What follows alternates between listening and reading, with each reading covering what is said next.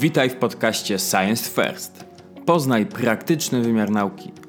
Jest to comiesięczny cykl spotkań popularno-naukowych organizowanych przez Instytut Psychologii Uniwersytetu Jagiellońskiego i Stowarzyszenie All in Nujot. 15 spotkanie cyklu odbyło się na żywo w sieci. Tematem były pasje, zaburzenia czy uzależnienia – Gośćmi doktora Samuela Nowaka i Tomasza Pytko była dr Joanna Kłosowska z Zakładu Psychologii Klinicznej Instytutu Psychologii UJ i Zuzanna Kasprzak, superwizor, adiunkt i certyfikowany specjalista psychoterapii uzależnień. Zachęcamy do wysłuchania rozmowy i zapraszamy na stronę lux.psychologia.uj.edu.pl do naszych archiwalnych nagrań.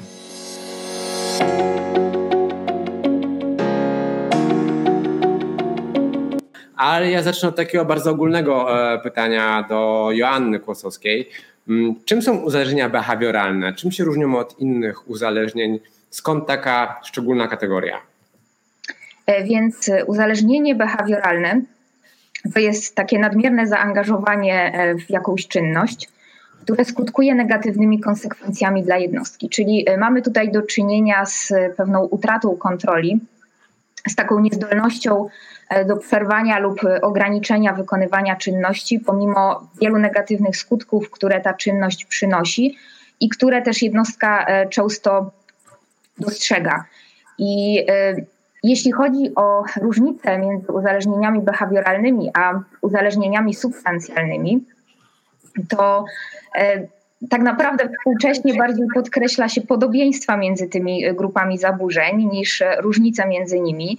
E, taka oczywista różnica polega na tym, że w przypadku uzależnień substancjalnych e, osoba jest uzależniona od efektów działania substancji, którą przyjmuje z zewnątrz. Natomiast w uzależnieniach behawioralnych uzależniona jest od e, efektów, skutków działania czynności, które podejmuje. I to są przede wszystkim takie skutki dla jej samopoczucia i dla jej nastroju. I jeśli chodzi o uzależnienia behawioralne, to wskazuje się na e, sześć takich głównych e, objawów tego typu zaburzeń. I po pierwsze, osoba, która jest uzależniona od czynności, jest nadmiernie zaabsorbowana tą czynnością. To znaczy, że ta czynność staje się jakby centralnym punktem życia tej osoby i nawet jeśli aktualnie nie wykonuje ona e, danej czynności, to e, jest angażowania na wmyślenie o niej, wmyślenie e, kiedy i jak będzie jakby tą czynność wykonywała. Po drugie, charakterystyczne jest to, że czynność wpływa na nastrój i często jest podejmowana właśnie w celu zmiany nastroju i poprawy samopoczucia.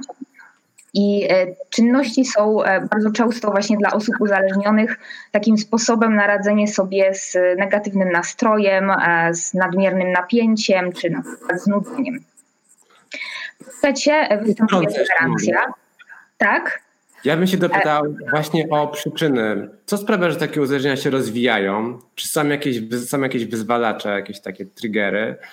Czy to jest znaczy, to jest takie bardzo złożone pytanie. E, dlatego, że jeśli chodzi o przyczyny uzależnień behawioralnych, e, to e, można powiedzieć, ich rozwój jest wynikiem współdziałania pewnych czynników takich psychologicznych, czynników i procesów natury biologicznej i w końcu czynników środowiskowych. I jakby jest dosyć mało czasu, żebym wszystkie te czynniki omówiła, ale spróbuję najważniejsze e, w takim razie przedstawić, skoro e, pytanie się mm, pojawiło. I ogólnie, jeśli chodzi o proces powstawania uzależnień behawioralnych, e, to ważne miejsce tutaj zajmuje proces warunkowania, ale nie chodzi tylko o warunkowanie, czyli uczenie się, bo gdyby chodziło tylko o warunkowanie, to prawdopodobnie wszyscy bylibyśmy uzależnieni od jakiejś czynności. Więc ten proces warunkowania nakłada się na pewne czynniki podatności. I mechanizm wygląda tutaj w ten sposób, e, że e, początkowo osoba zwykle e, podejmuje czynność dla przyjemności, czy szukając nowych wrażeń. I jeśli ta czynność jakby faktycznie wpłynie na jej nastrój pozytywnie, no to zwiększa się prawdopodobieństwo, że ta czynność będzie powtarzana w przyszłości. To jest taki klasyczny mechanizm warunkowania. I jeśli czynność zaczyna być powtarzana w przyszłości, to jednostka w pewnym momencie odkrywa, że ta czynność również pozwala jej zredukować negatywne emocje. A więc jeśli miała zły dzień w pracy i pójdzie na zakupy, to doświadcza ulgi, jej nastrój chwilowo się poprawia. I ta redukcja negatywnych emocji jest takim kolejnym wzmocnieniem, które e, tą czynność utrwala. I co więcej, jakby osoba uczy się e, też kojarzyć e, różne czynniki, zarówno wewnętrzne, jak i zewnętrzne, właśnie z wykonaniem tej czynności. Czyli ilekroć jest na przykład zaniepokojona czy smutna, to zaczyna odczuwać pragnienie wykonania czynności E, odczuwa jakby rosnące napięcie, dopóki tej czynności nie zrealizuje i wtedy odczuwa chwilową ulgę. E, I ta czynność e, w ten sposób się powtarza.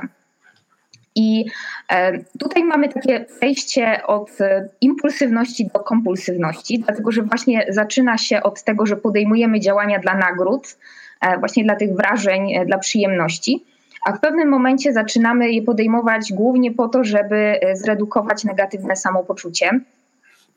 E, I pojawia się pewien taki przymus e, wykonania czynności i mechanizm błędnego koła, dlatego że częste powtarzanie czynności e, zaczyna powodować różne negatywne konsekwencje w życiu jednostki, czyli na przykład zaczyna wchodzić w konflikty z otoczeniem, które nie jest zadowolone z tego, że tak dużo czasu czy na przykład środków poświęca na tą czynność, albo zaczyna mieć problemy z wypełnianiem obowiązków szkolnych czy zawodowych.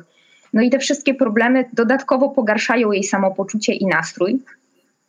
I e, znowu to złe samopoczucie staje się takim czynnikiem spustowym, e, które, e, który wyzwala tą tendencję i to pragnienie podjęcia czynności w celu zredukowania napięcia. Czyli to jest troszeczkę tak jak u osoby uzależnionej od alkoholu, która najpierw sięga po alkohol, żeby doświadczyć przyjemności, a po pewnym czasie sięga po alkohol, żeby nie doświadczać objawów odstawiennych i żeby po prostu poczuć się normalnie, nawet nie tyle lepiej, co po prostu, żeby być e, w stanie jakoś e, funkcjonować.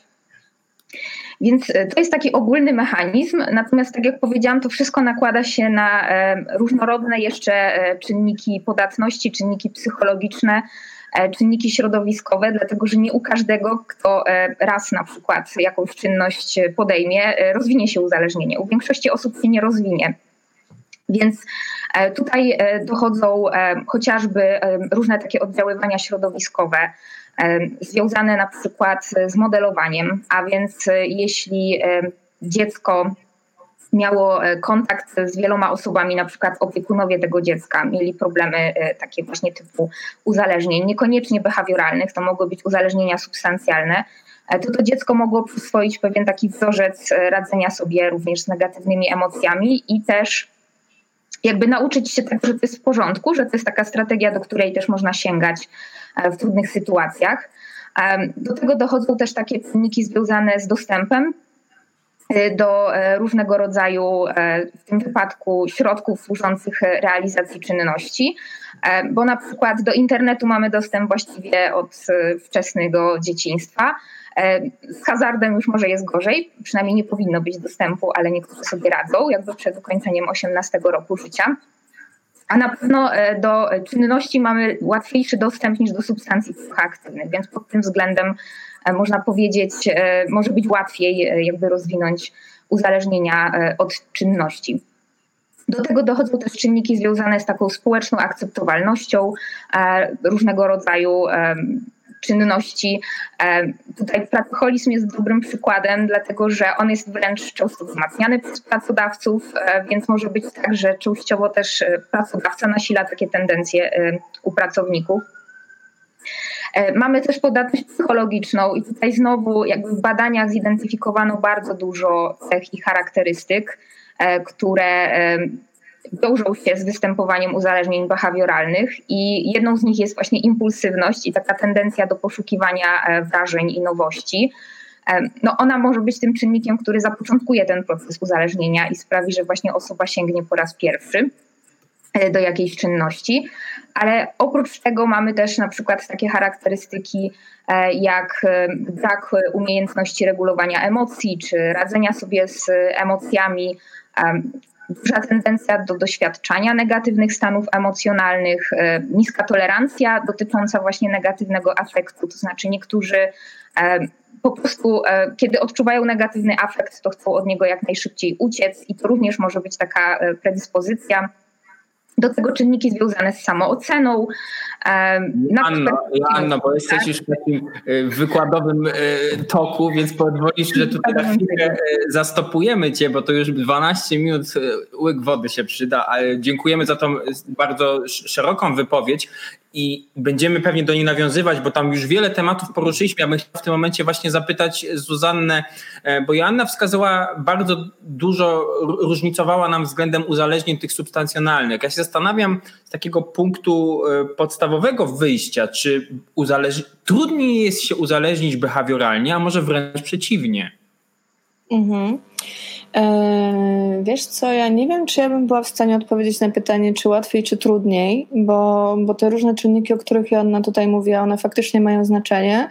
Natomiast ja myślę, że uzależnienie jakiekolwiek, od czegokolwiek, na pewno opiera się na wzmacnianiu i powtarzaniu y, pewnego rodzaju aktywności. Tak? I to wszystko, co przed chwilą też Joanna powiedziała, ja to zazwyczaj jakby ujmuję w takim, e, bym powiedziała, krótkim przykładzie, że to jest taki wykres trochę, który wygląda jak las choinkowy, nie? że komuś rośnie napięcie, rośnie, rośnie, rośnie w ciągu dnia, dochodzi do jakiegoś tam swojego maksimum, a potem robi coś takiego, co bardzo mocno yy, powiedziałabym, go rozładowuje, tak? I taka osoba, która ma też tendencję do uzależnień, tak? Albo, nie wiem, powtarza właśnie coś w taki sposób, e, próbuje osiągnąć bardzo mocne rozładowanie i próbuje mm, właściwie dojść do zera, tak? I właściwie nie przeżywać tych nieprzyjemnych stanów. Więc e, tak naprawdę obojętnie wtedy, czy ktoś bierze kokainę, czy ktoś, nie wiem, mefedron tak użyje, czy pije alkohol, czy włączy sobie pornografię, czy pójdzie sobie zrobić zakupy, um, czy, czy nie wiem, jakoś się obie, to tak naprawdę wzmacnia tak, ten wykres. I jest bardzo duże rozładowanie, a potem jakby znów rośnie, tak, bo, bo ta różnica w samopoczuciu jest bardzo duża um, i potem znów jest y, odczuwalnie nieprzyjemnie, no i, że tak powiem, powtarzanie tego i wzmacnianie na pewno tutaj jest takim e, czynnikiem, który będzie na to wpływał. Myślę, że dużą część jakby też jakby to, co dzieje się w środowisku, tak, e, e, jakby na to trzeba też patrzeć, bo myślę sobie, nie wiem, czy kojarzycie, taka reklama kiedyś dawno temu była słynna smutno ci może budyń, no nie? To jest, wiecie, taki, taka reklama, która właściwie w fantastyczny sposób pokazuje mm, rozładowywanie emocji jedzeniem. No nie? I jeżeli ktoś, nie wiem, spotyka się z tym, e, ma, e, nie wiem, taki wzorzec z domu, no nie, jego znajomi tak robią, albo nie wiem, koleżanka mi mówi, ej, dobra, nie martw się, chodź, pójdziemy na zakupy, tak? I ja potem zaczynam to powtarzać, to wtedy mam dużo większe prawdopodobieństwo, że załapię ten model mm, funkcjonowania, bo to będzie bardziej pobudzało mój mózg i mocniej będzie działało na e, układ nagrody niż takie rzeczy, które no, są, y, bym powiedziała, y, takie związane bardziej z taką falą, która łagodnie spada, tak? Nie mają takiego ostrego y, zejścia w dół. I w ogóle w uzależnieniu, to co jest bardzo charakterystyczne przy jego rozwoju, to to, że zaczyna wzmacniać się takie myślenie, żeby było już, teraz, natychmiast, żeby nie było nieprzyjemnie żeby było mocno, żeby było fajnie, tak? I w ogóle w uzależnieniach y, myślę, że rozróżniamy dwa takie mm, typy radzenia sobie z emocjami. Albo wzmacnianie y, stanów euforycznych, albo próba redukcji stanów dysforycznych, tak? I tak naprawdę dlatego nie mogę powiedzieć, czy, czy bardziej od substancji, czy bardziej behawioralnie, bo myślę, że y, Dlatego też nazywamy to uzależnieniem, tak, że to ma bardzo podobny charakter. E, trochę łatwiej jest to rozróżnić, choć też można tego typu e, sposób myślenia na przykład zobaczyć w OCD, tak? czyli u osób, które e, mają jakieś kompulsje i obsesje, albo u osób z bulimią. Tak? I, I, teoretycznie są to inne jednostki diagnostyczne, natomiast też taki rodzaj myślenia związany z tym, że jak mam impuls, to muszę go od razu wykonać i tam właśnie o tym warunkowaniu, co Janna mówiła, nawet już nie ma czasem tego myślenia bezpośrednio, dobra, że muszę to zrobić, tylko po prostu leci samo, tak, z automatu, bo jest po prostu powtarzane i mm, u osób, które mają tego typu zaburzenia i to u nich się rozwija, mm, potem też pracujemy nad e, hamowaniem tego impulsu bądź nierealizowaniem go.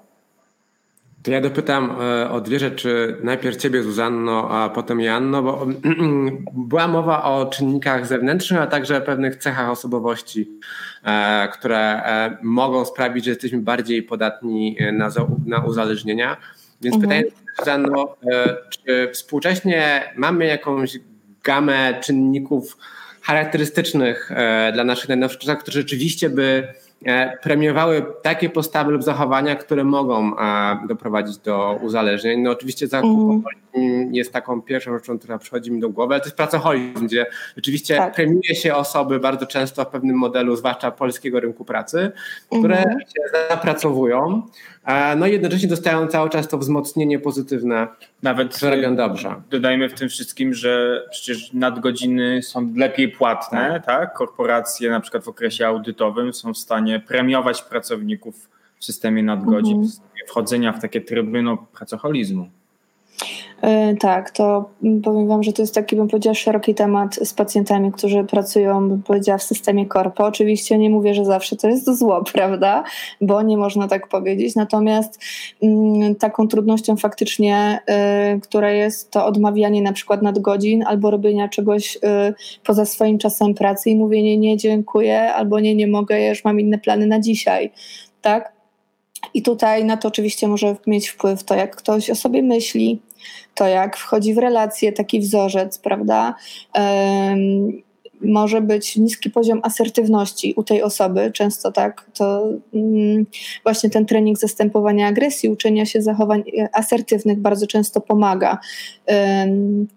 Wychodzić też z tego typu zachowań, które, y, które potem są y, no, wzmacniane w taki negatywny mm, dla tej jednostki sposób, niestety. Y, I myślę, że odmawianie, stawianie granic zawsze będzie pomagało. Tak jak ktoś ma z tym trudność, no to faktycznie tutaj mm, rozwój tych problemów zawsze może być szybszy ale myślę sobie, że też to są takie kwestie y, y, no, z domu, ze środowiska, ze szkoły, tak? Czyli jak ktoś, nie wiem, regularnie słyszy, że nie wiem, stać go na więcej, albo jak coś zrobisz, to wtedy, tak? Czyli no po prostu warunek. Y, wtedy, kiedy ktoś musi na coś zasługiwać, tak? To jest fantastyczny w ogóle predyktor uzależnienia od pracy, tak? I takiego po prostu zasługiwania na coś żeby być docenionym, żeby być wartościowym, żeby być zauważonym, e, albo nie wiem, albo żeby mieć tak naprawdę święty spokój, no nie? No bo, bo, bo różnie ludzie w domach mają i czasem e, jak się dzieją niestety takie bardziej, bym powiedziała, agresywne czy przemocowe rzeczy, to wyrabianie pewnej normy, tak, czy bycie zaangażowanym w coś pozwala przetrwać i pozwala tutaj no, być spokojnym o to, że mu się na przykład za coś nie dostanie, tak? A potem ten model niestety jest przenoszony mm, dalej w kolejne relacje i, i na przykład w pracy, no nie jak ktoś tak pracuje. No nie bez powodu e, mówi się o tym, znaczy przynajmniej tak sobie czasem żartujemy z moimi pacjentami, jak prowadzimy grupy um, no nazwijmy to robocze DDA, czyli dorosłych dzieci alkoholików, natomiast bardziej bym nazwała, że to jest taka grupa dorosłych dzieci niedojrzałych rodziców, gdzie były uzależnienia, gdzie było nadużywanie albo agresja lub przemoc. I, I tam y, właśnie sobie często żartujemy z tego, że to są najlepsi pracownicy korporacji, bo y, zanim nauczą się stawiać granice, czy to, że to nie stanowi o ich wartości, czy jakby o myśleniu, oczywiście to osoby, które mają z tym problem, no to chwilka mija, no i pracodawca jest w stanie na tym dużo zyskać tak? I myślę, że to też jest taka grupa, u której nie muszą pojawiać się problemy wcale, tak? Bo to jest trochę taki mit. Natomiast um, osoby, które wychowywały się z osobami uzależnionymi, też mogą mieć właśnie troszkę większą tendencję do tego, żeby się uzależnić i niekoniecznie od chemii. Tak też się zdarza ale myślę, że tutaj właśnie zachowania takie nałogowe związane z pracą, z kupowaniem, z używaniem komputera, który fantastycznie pomaga się wyciąć, szczególnie jak są awantury w domu, tak? czy tam są jakieś konflikty, ale też takie, bym powiedziała, ryzykowne zachowania seksualne yy, i takie wchodzenie instrumentalne, na przykład w relekcję i stosowanie tej seksualności w taki sposób instrumentalny, no to przy tej grupie może być bardziej charakterystyczne i znów może mieć to charakter nałogowy, czyli znów ta choinka, ale niekoniecznie musi stać się uzależnieniem, no bo to będzie zależało jeszcze od kilku czynników i od tego y, powtarzania. Nie? Czyli tutaj, no, chyba tyle. Dzięki. Ja raz jeszcze podpytałem Joannę, bo e, ty zazwyczaj skupiasz się na tych cechach osobniczych, ale wiem, że twoje badania sięgają dużo głębiej i zajmujesz się też na przykład kwestią predyspozycji genetycznych. Możesz nam coś o tym, na ten temat powiedzieć? To znaczy w kontekście uzależnień behawioralnych, rozumiem.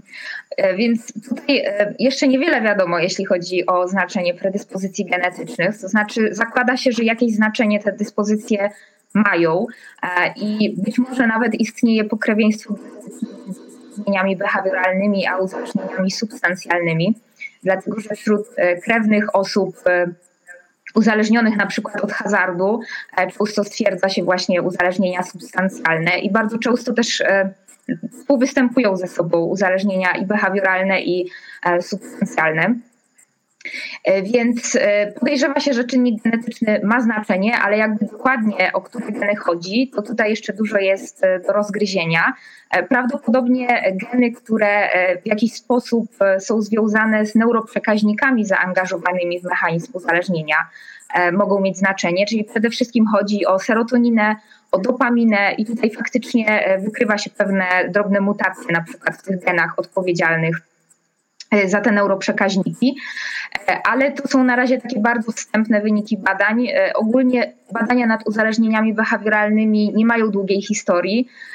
Właściwie najwięcej dotyczy uzależnienia od hazardu, natomiast jeśli chodzi o inne uzależnienia, to dopiero te badania tak naprawdę się intensyfikują i zaczynają, dlatego że Właściwie oficjalnie taką kategorię uzależnień behawioralnych uznano dopiero w 2013 roku e, w klasyfikacji amerykańskiej e, DSM, e, a wcześniej jakby o nich mówiono, ale jeszcze nie były oficjalnie diagnozowane. I właśnie to uzależnienie od hazardu funkcjonuje najdłużej w klasyfikacjach i dlatego jest najlepiej przebadane. Więc łatwo je badać? Słucham? Czy nie wynika to trochę z tego, że łatwo je badać uzależnienie od hazardu? W sensie jakby dostępność do materiału badawczego wydaje się... To znaczy wydaje mi się, że może być łatwiej badać inne uzależnienia, dlatego że są powszechniejsze. Ale e, tutaj mamy konkretne kryteria diagnostyczne. To bardzo pomaga w badaniach, że jesteśmy w stanie spojrzeć na kryteria, sprawdzić, czy osoba spełnia te kryteria, czy ma tyle objawów w stylu i powiedzieć, jest uzależniona od hazardu lub nie.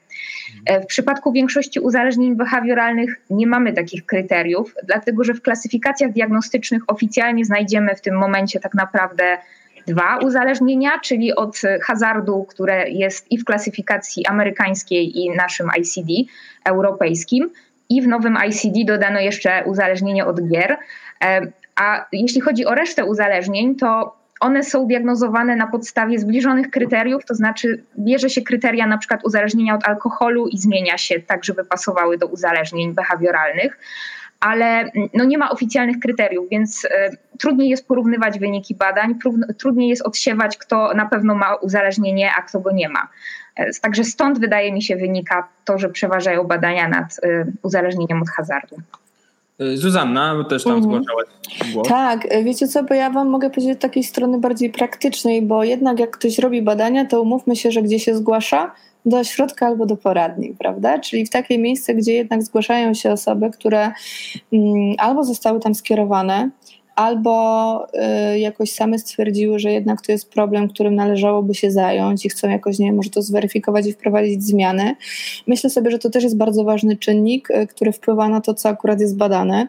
Y, mnie zdarzało się, że tak powiem, wraz z moimi pacjentami uczestniczyć i w takich badaniach dotyczących hazardu, ale również hiperseksualności, tak, które są, że tak powiem, prowadzone. Były takie dosyć duże jakiś czas temu na, na, ten temat prowadzony w całej Polsce, ale też na przykład dotyczące pracy tak, w różnych grupach. To, że tak powiem, północ Polski się tym bardziej zajmowała, o pracoholizmie. Mm, I to zawsze są takie, wiecie, miejsca, no, gdzie jednak ktoś się zgłasza. Prawda jest taka, że hazard bym powiedziała, jest trochę bardziej oficjalnie już uznany za coś, co mieści się w kategorii uzależnień i e, tak mi się przynajmniej wydaje, że od kilku lat też sporo osób się po prostu z tym problemem zgłasza, że ta świadomość jest większa. Jeżeli chodzi o hiperseksualność na przykład, bywa różnie. To jest temat, który wychodzi, że tak powiem, przy okazji, tak? Bo przecież w cudzysłowie każdy ogląda pornografię, prawda? Albo nie wiem, to są osoby, które zgłaszają się raczej do seksuologa albo do prywatnego gabinetu. Z komputerem też jest y, ciężko stwierdzić, dopiero jak są takie, y, bym powiedziała, mocno nasilone stany, tak? Albo jakoś, nie wiem, przechodzi to w depresję, w stany lękowe y, i jakoś mocno zaburza harmonogram, wtedy to jest jaśniejsze. Mm, wcześniej te osoby raczej nie myślą o tym, że to jest jakoś problem i może ich pierwszym wyborem też nie jest placówka nakierowana na leczenie uzależnień, nie? a w takich raczej się werbuje, że tak powiem, ludzi do badań po prostu. Ale ja bym tutaj zapytał e, i Zuzę i w sumie Joannę, bo, bo troszkę jestem zdziwiony tym, że w tej klasyfikacji mamy teraz do, dotychczas tylko dwie, e, dwa, dwa rodzaje uzależnień, czyli, czyli hazard e, i, i drugie to było, to wypadło. Od gier. Od gier. Mhm. Czyli rozumiem, że w przypadku innych staramy, wy, wy, wykorzystujecie schematy uzależnień, żeby, żeby diagnozować, ale możemy uzależnić się od wszystkiego. To jest takie jedno pytanie. E, albo drugie, druga kwestia, wspominałaś o tych, Zuza wspomina o choinkach, tak? że dochodzimy do tego napięcia, kiedy wykonamy tą czynność, od której możemy być uzależnieni, to, to nam spada. Co w przypadku, kiedy, no nie wiem, ktoś, mieliśmy psychologię fitnessu, takie, takie, takie jedno ze naszych spotkań, odsyłamy wszystkich zainteresowanych do podcastu, e, kiedy ktoś e, nadużywa treningu, odbija się to także na nim fizycznie, ale na przykład e, brak treningu no, potęguje u niego takie napięcie, które jest w stanie zbić tylko treningiem. Czy możemy powiedzieć wtedy o uzależnieniu behawioralnym właśnie od treningu? Możliwe. To znaczy, tą osobę trzeba byłoby dokładniej zdiagnozować. Może być e, to uzależnienie od treningu. E, jak najbardziej można się od aktywności fizycznej uzależnić i tam e, oprócz tych takich wzmocnień właśnie, o których mówiłam, jeszcze dochodzą inne chemiczne substancje, które się wydzielają podczas intensywnego treningu.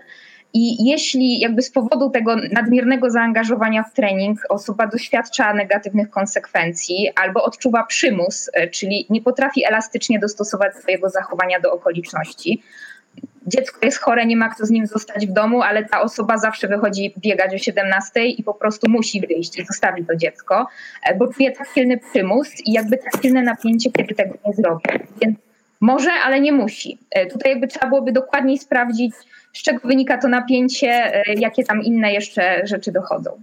Mhm. Ja też chciałaś dodać, ale pozwolę, pozwolę, że dopytam. E, to w takim razie w Twojej praktyce, e, czy może spotkałaś się z osobami, które e, z taką formą uzależnienia się pojawiały, a jeżeli nie w tą, to jakie inne, które nie wpisują się w ten jednak kanon hazardu, gier, uzależnienia, które może nas wręcz zdziwią, ale mhm. że zdiagnozował u siebie albo potrzebował pomocy w tym zakresie. Okej. Okay.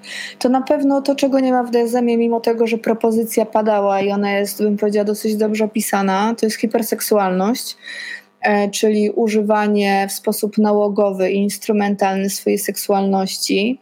I tutaj mówimy, bym powiedziała, o takim nałogowym seksie, czyli, nie wiem, na przykład umawianiu się na seks, bo, nie wiem, bo jest mi smutno albo, nie wiem, nic się nie dzieje no nie, bardziej w takim klimacie. Może być to też w relacji partnerskiej, jak najbardziej, ale wtedy te osoby raczej wiedzą o tym, że to y, jest sprawa instrumentalna tak, że chodzi o to, żeby się rozładować, bo nie wiem, bo coś się stało, bo była kłótnia, tak, bardzo często mówi się o seksie na zgodę, e, jak to się bardzo często powtarza i głównie na tym opiera, no raczej to jest instrumentalne wtedy, tak, choć też jest to jakiś e, ważny element tej relacji, więc tutaj by trzeba było rozpatrywać, mm, jak bardzo jest to potrzebne tylko do rozładowania napięcia u tej osoby i czy tylko w ten sposób zaczyna to robić, no i przede wszystkim oglądanie pornografii, to no, że tak powiem, trzy razy dziennie to jest dużo na przykład, no nie? A, a zdarza się tak, że rozmawiam z różnymi osobami, które, mm, no, no nie wiem, były w takim otoczeniu, w takim środowisku, gdzie to się wydawało dosyć normalne i naturalne. Na pewno mówimy wtedy o tym, e, że to może wpłynąć negatywnie w ogóle na seksualność, nie wiem, na relacje, na jej jakość, na, na pożycie wspólne. No ale też tutaj wchodzą różnego typu, bym powiedziała, takie kwestie niestety mm, związane, nie wiem, z jakimiś uszkodzeniami, z, z chorobami, tak? To, to tak to niestety czasem wtedy dopiero się ktoś zgłasza. To y, na to można zwrócić uwagę wcześniej. Y, kwestia zakupów może jest mniej popularna. Ona częściej, y, przynajmniej w mojej praktyce, wychodzi, bym powiedziała, przy okazji innych rzeczy, ale też się zdarza. E, choć myślę, że e, częściej zdarzało mi się diagnozować nadużywanie jakby tej formy niż samo uzależnienie. A jeżeli chodzi o sport, myślę, że jak najbardziej. To jest takie nałogowe zachowanie, no Myślę, że jest trochę takich przypadków, gdzie uzależnienie bym stwierdziła, natomiast w większości jednak też ja miałam przynajmniej takie przypadki związane z nadużywaniem. Gdzie, od razu pytanie, gdzie jest różnica między nadużywaniem a uzależnieniem? Mhm. No właśnie, jeśli chodzi o chemię, to jest trochę łatwiejsze, no bo diagnostyka mówi, mam sześć objawów, muszę spełnić trzy, żeby się liczyło. No nie, tak mówiąc prosto. Jak nie mam y, takiego kryterium, no to nie mogę się do tego w ten sposób odnieść. Natomiast ja zawsze patrzę na kwestie związane z redukcją emocji, tak, z tym modelem nałogowego regulowania uczuć, bo tak to się nazywa właśnie też ta choinka. I to, co też dzieje się z, z tą osobą, kiedy nie może wykonać danej czynności, tak, to jest bardzo ważne. Ty mówiłeś o takim napięciu, które właściwie ta osoba może tylko w ten sposób rozładować. No, umówmy się, że to jest mało zdrowe i to jest trochę dziwne już wtedy, że w inny sposób się nie da, prawda? teoretycznie inne rzeczy też powinny trochę obniżać napięcie.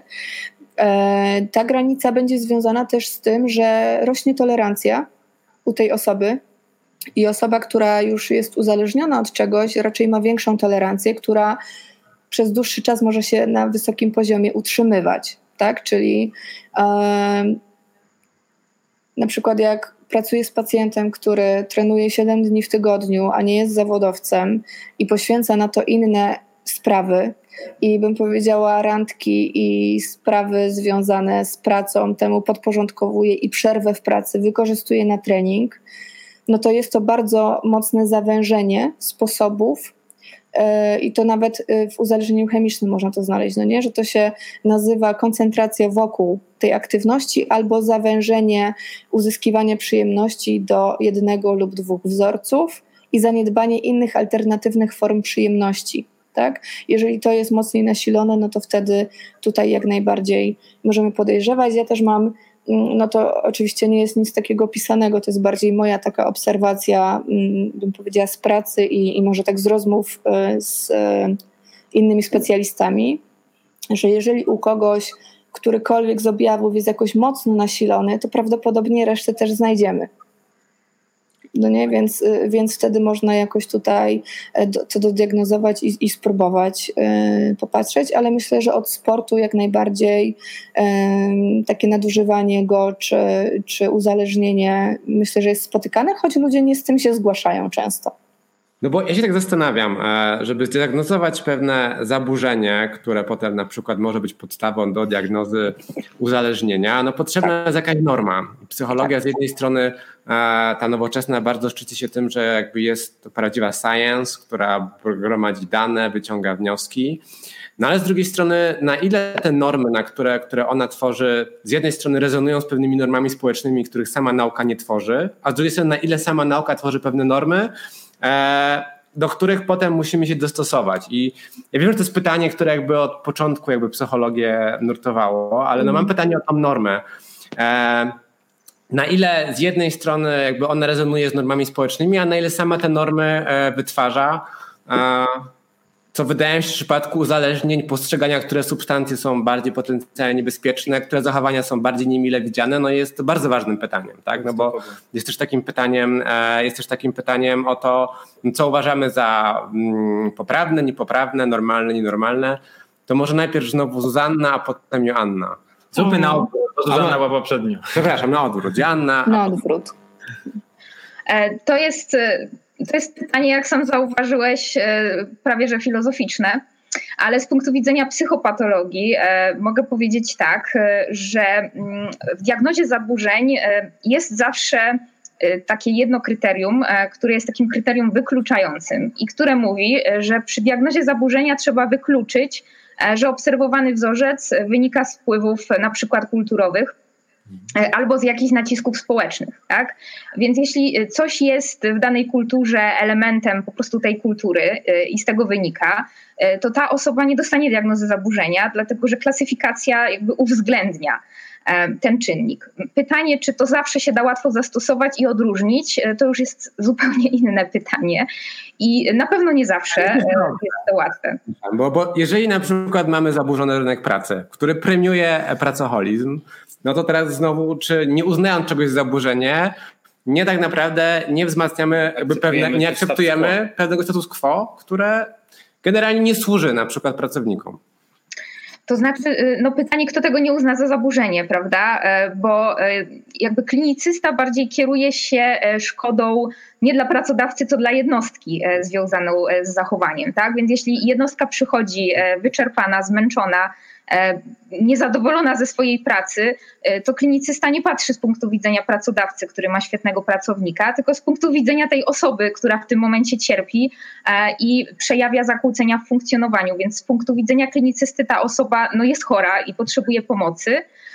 Natomiast tutaj trzeba pewnie negocjować, w jaki sposób to pogodzić z daną pracą, czy może wręcz trzeba zmienić pracę i pracodawcę, prawda? To są już kwestie negocjacji, ale jakby no, klinicysta raczej nie staje po stronie systemu, tak? On bardziej patrzy na szkodę dla jednostki, czasem na szkodę dla jej otoczenia również, e, ale e, no, tutaj chodzi o to, gdy, nie wiem, ktoś wydaje wszystkie pieniądze, rodzina nie ma z czego żyć, prawda, najbliżsi, to też się bierze pod uwagę.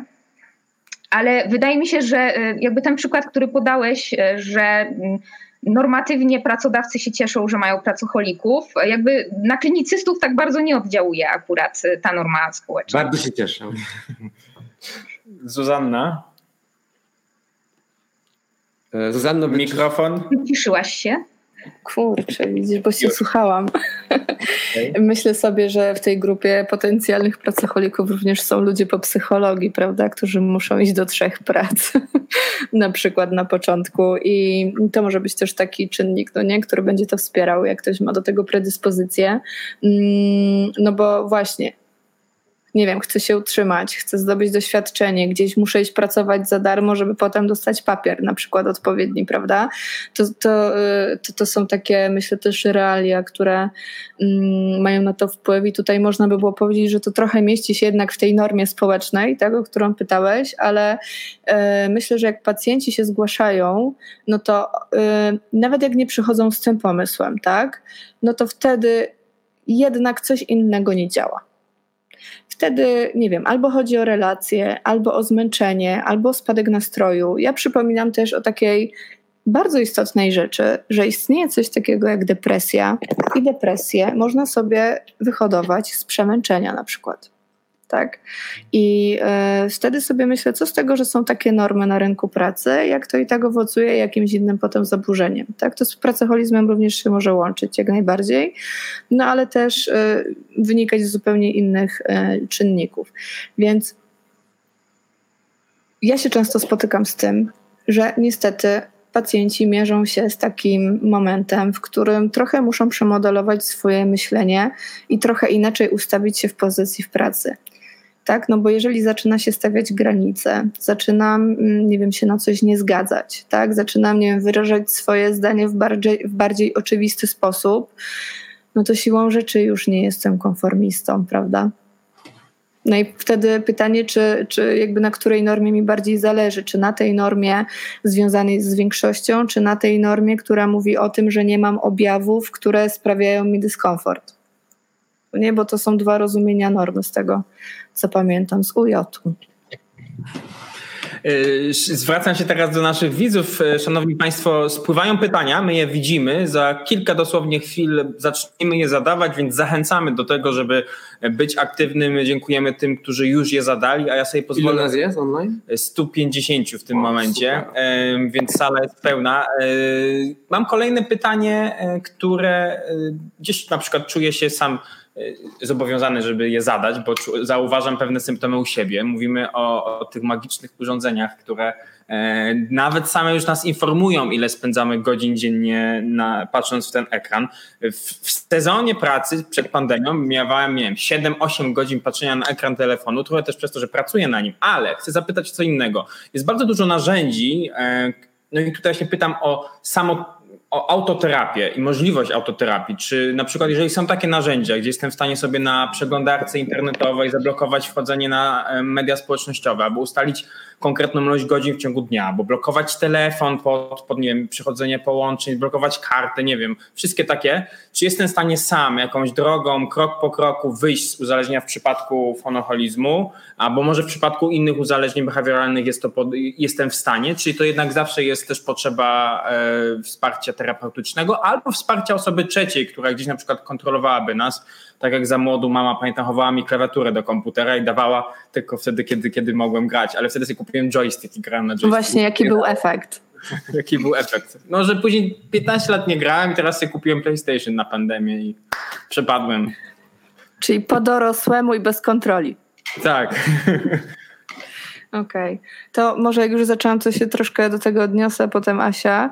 Um, to, co można robić na pewno samemu, to y, zwracać uwagę na to, czy, co się ze mną dzieje, jeżeli ja tego nie mogę zrobić, albo jeżeli mam to w jakiś sposób ograniczone. Tak? No bo jak mama zabiera klawiaturę, no to jest trudne do przeżycia, ale tu jeszcze wchodzą, bym powiedziała, systemowe rzeczy, no nie? Związane z tym, jak funkcjonuje rodzina, jaki jest układ z mamą i tak dalej. I to może przynosić cierpienie, może przynosić złość, ale to, co jest w ogóle bardzo charakterystyczne, szczególnie przy odstawieniu pornografii i odstawieniu gier komputera i internetu, to jest to, że rośnie bardzo drażliwość, bym powiedziała.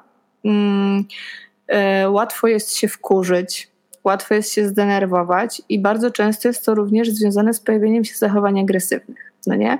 Jeżeli ktoś u siebie obserwuje tego typu mm, objawy związane, bym powiedziała, z odstawieniem, raczej jednak zalecałabym konsultować się już wtedy ze specjalistą, tak? No bo tutaj oprócz terapii pewnie też farmakoterapia czasem jest y, potrzebna, przynajmniej no jakby nie jest to główny sposób pracy, ale no wtedy się przydaje, no bo ten sposób y, przeżywania napięcia jest jednak bardzo intensywny.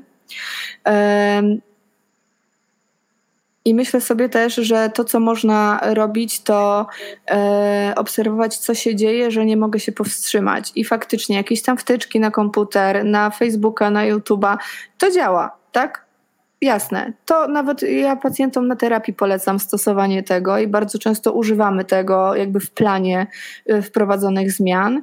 Mm, ale jeżeli jest tak, że ktoś straci kontrolę, no to niestety wtedy pomoc się przydaje tak? Bo wtedy mówimy o tym, że to już jest coś takiego, co jest poza tą osobą. Przynajmniej te osoby zazwyczaj mają takie wrażenie, że to jest jakoś poza nimi, że nie są w stanie się powstrzymać i wtedy jednak dobrze jest mieć kogoś, z kim można o tym porozmawiać, gdzie można coś ustalić. W uzależnieniach też jest tak, że sposób myślenia zaczyna się zmieniać, bo oprócz tego nałogowego y, sposobu funkcjonowania, tego, o którym mówiłam, istnieje jeszcze na poziomie poznawczym zmiana. Tak? To najłatwiej jest to wytłumaczyć w taki sposób, że jeżeli ja robię coś, co przynosi mi konsekwencje, no nie, a chcę nadal o sobie dobrze myśleć, no to mam do wyboru albo się z tym skonfrontować, przeżyć coś nieprzyjemnego i zastanowić się, czy robię to dalej, albo zacząć myśleć o tym inaczej i dalej z godnością y, własną y, po prostu robić to po raz kolejny i udawać, że tych konsekwencji nie ma. I to niestety jest mechanizm, który się uruchamia. Na to będziemy mówić, że to jest racjonalizacja bardzo często, albo jakaś intelektualizacja, na przykład e, podejmowanie jakiejś aktywności. E, I to jest taki mechanizm, który często się utrzymuje, nawet jeśli ktoś przestaje coś robić. Tak? Czyli nie wiem, ktoś faktycznie nie ma tej klawiatury, nie ma komputera, nie ma telefonu, to, to i tak się przekłada na funkcjonowanie. I jasne, być może nie będzie tego robił, ale te schematy myślowe i, i to napięcie, które przeżywa, i taka nieumiejętność poradzenia sobie w wystarczająco dobry dla tej osób, osoby sposób z napięciem, będzie na tyle trudny, że jednak lepiej jest szukać pomocy u specjalisty. Ja bym tu dopytał o te formy terapii, no bo pierwszą rzeczą, która przychodzi do głowy w przypadku um, uzależnień behawioralnych jest oczywiście ta praca z terapeutą, ale wiem, że też są dostępne um, formy terapii farmakologicznej. E, wiem, że w przypadku hazardu jest substancja, która się nazywa naltrexon, o ile dobrze pamiętam. Naltrexon. Naltrexon, przepraszam. Blisko. E, było, było blisko. E, więc e, mamy do czynienia teoretycznie z tabletkami, które mogą nam pomóc z tego nałogu wyjść. E, to zdaje się jakby jest stosunkowo nowa sprawa. Jakby ta farmakoterapia nie, nie funkcjonowała dużo wcześniej. E, to znaczy, mm, ona funkcjonowała dużo wcześniej, tylko naltrexon wykorzystywano w leczeniu uzależnienia od alkoholu. Ale ponieważ mechanizmy biochemiczne są bardzo podobne w uzależnieniach od alkoholu i od czynności, to zaczęto testować niektóre leki wykorzystywane w uzależnieniach substancjalnych, również w uzależnieniach behawioralnych. No i jeśli chodzi o naltrexon, to faktycznie mm, są takie rezultaty, które pokazują umiarkowaną poprawę po stosowaniu e, naltrexonu ale on wciąż nie jest e, farmaceutykiem, który jest rekomendowany. Znaczy nie ma w ogóle oficjalnie rekomendowanych farmaceutyków jeśli chodzi o uzależnienia behawioralne. Niemniej no tutaj jakby porównania z grupą placebo pokazują, że e, on faktycznie przynosi pewną poprawę. Z tego co pamiętam, jeśli chodzi o statystyki, to 75% e, pacjentów uzależnionych od hazardu miało poprawę po naltrexonie w porównaniu z 25%, które mm, stosowały placebo osób ale jakby no, psychoterapia jest terapią pierwszego rzutu. Natomiast jeśli chodzi o to, jak działa naltrexon, to może powiem dwa słowa i spróbuję nie wejść w tryb wykładowy, e, to e, e, naltrexon jest blokerem receptorów opioidowych, czyli on działa w ten sposób, że podłącza się do receptorów opioidowych. To są receptory, które między innymi reagują na nasze endorfinki, które organizm sobie produkuje, czyli hormony szczęścia. On się podłącza do tych receptorów opioidowych, i blokuje te receptory, w związku z czym endorfiny nie mogą na nie oddziaływać.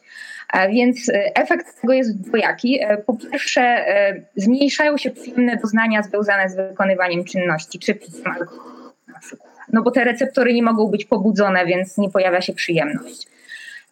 I efekt mniej oczywisty, ostatnio się dopiero bada, polega na tym, że mm, kiedy te receptory to jakby troszeczkę sonifikując mózg, mózg zaczyna myśleć, że brakuje endorfin, tak? ponieważ receptory nie reagują, są zablokowane. I co się dzieje, to włącza się nadprodukcja tych endorfin, a więc efekt jest taki, że pacjent ma też mniejszą potrzebę wykonania czynności czy zażycia substancji jakby pomiędzy e, wykonywaniem czynności. E, nie czuje się aż tak źle, tak? czyli to e, zmniejsza ryzyko Y, Joanno, no tutaj zniknął Samuel, to jest mniej ważne, ale y, jakbyś mogła powtórzyć ostatnie zdanie, bo coraz słabiej było cię słychać. Coraz słabiej było mnie słychać. Tak. E, nie wiem, czy już pamiętam, jakie były ostatnie zdanie. E, mówiłam o tym, że ten drugi mechanizm działania naltreku polega na tym, że e, troszeczkę oszukuje mózg i mózg jest przekonany, że brakuje mu endorfin, w związku z czym uruchamia ich nadprodukcję i e, dzięki temu pacjent słabiej odczuwa objawy odstawienne, nie czuje się tak źle pomiędzy e, jakby e, epizodami czynności, dlatego że ma tych endorfin więcej niż miał wcześniej. Zuza i może tutaj też Joanna chciałem zapytać w takim razie, yy, zwróciliście uwagę na ten lek, ale czy na przykład w szkołach terapii, w szkołach psychologii, mówię o podejściu do, do terapii, jest wspólna doktryna tego, że farmakologia sprzyja, czy są na przykład takie, które totalnie odrzucają ją w, w, w, w leczeniu e, zaburzeń behawioralnych? Mm, wiesz co, y, nie wiem, czy jest doktryna, która to odrzuca. Y, myślę, że w ogóle zawsze jest fajnie, kiedy psychoterapeuta współpracuje z psychiatrą, jeżeli pacjent ma takie objawy, które są niepokojące i myślę, że to jest taki e, może jakiś niepisany mm, element, no nie, jakby którego uczymy.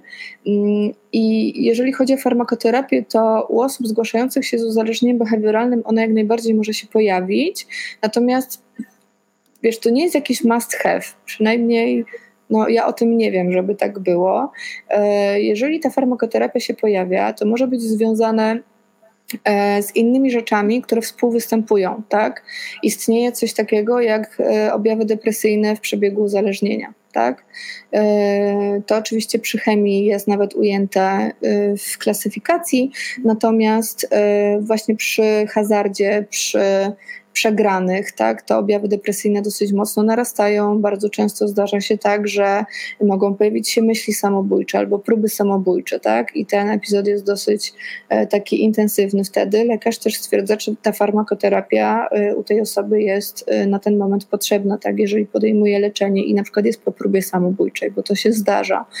Mm, nie wiem, jak pracuję z osobami, które odstawiają pornografię, no to też zależy, jak intensywnie to wyglądało i, i jak często korzystały, ale zdarza się tak, że jakby nie wiem, to w jaki sposób funkcjonują pewnie na poziomie takim neurobiologicznym. U niektórych y, te, to, to napięcie jest tak trudne do zniesienia, że jednak y, lekarze decydują o tym, aby tym osobom przepisać leki obniżające napięcie. Także jeżeli mają tego nie robić, bo zalecenie takie jest, żeby odstawiać jednak pornografię, no bo ona działa na, na mózg no mniej więcej tak jak kokaina, jeżeli chodzi o rodzaj pobudzenia, no to tutaj te leki bywają jednak potrzebne, tak, żeby móc że tak powiem, się powstrzymać i, i, i nie przeżywać takiego dużego cierpienia w związku z tym, że tego się nie robi.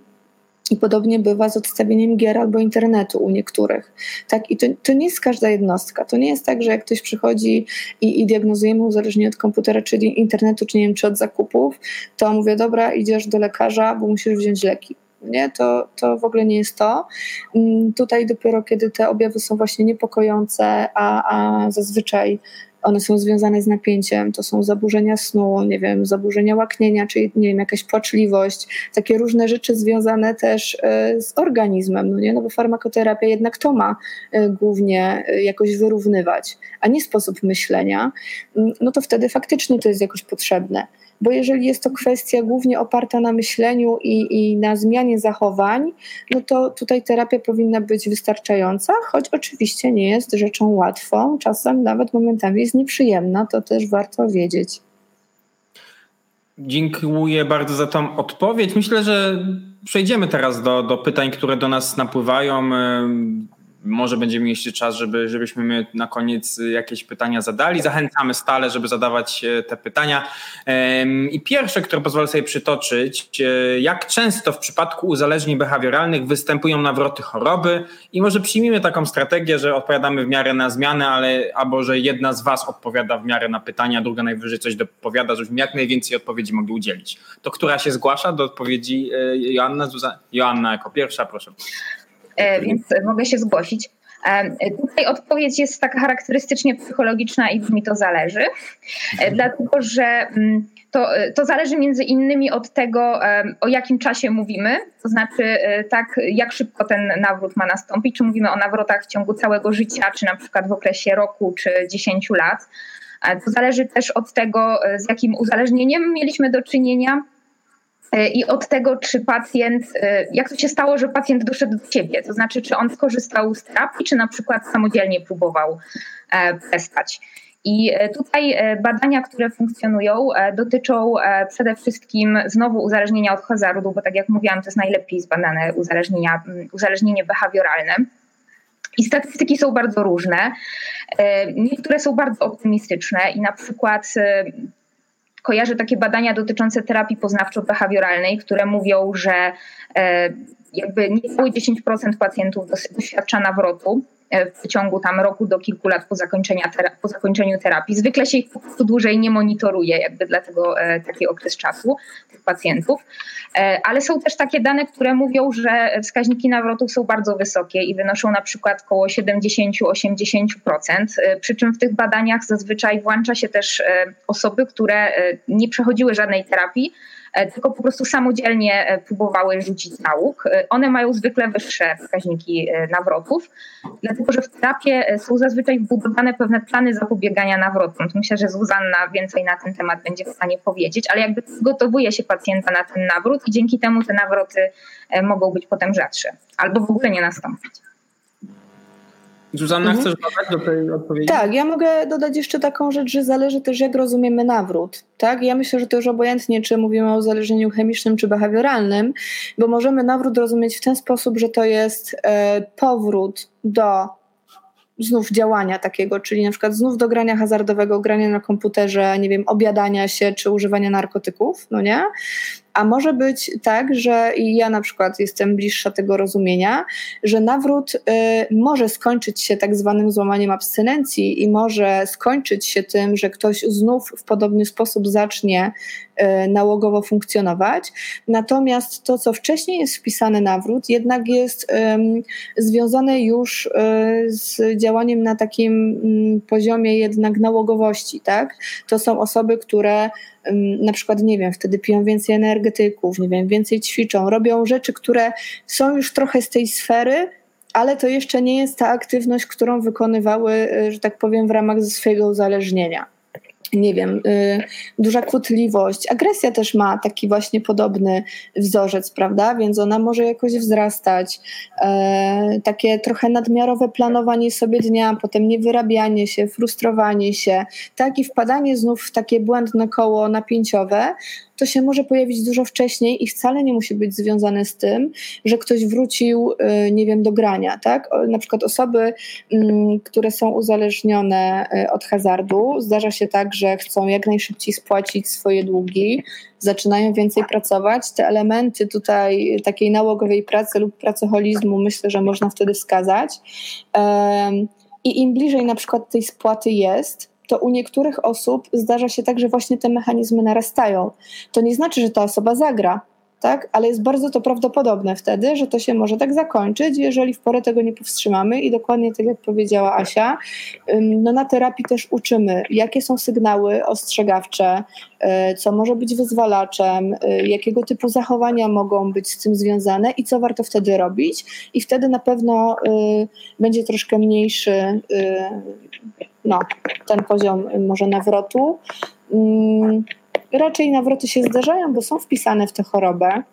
Oczywiście nie można powiedzieć, że to jest zawsze na stówkę, ale w ten sposób rozumiane raczej się pojawiają, ewentualnie nie muszą być, tak jak mówię, związane z tym, że ktoś wróci do tego samego sposobu używania tak, danej rzeczy.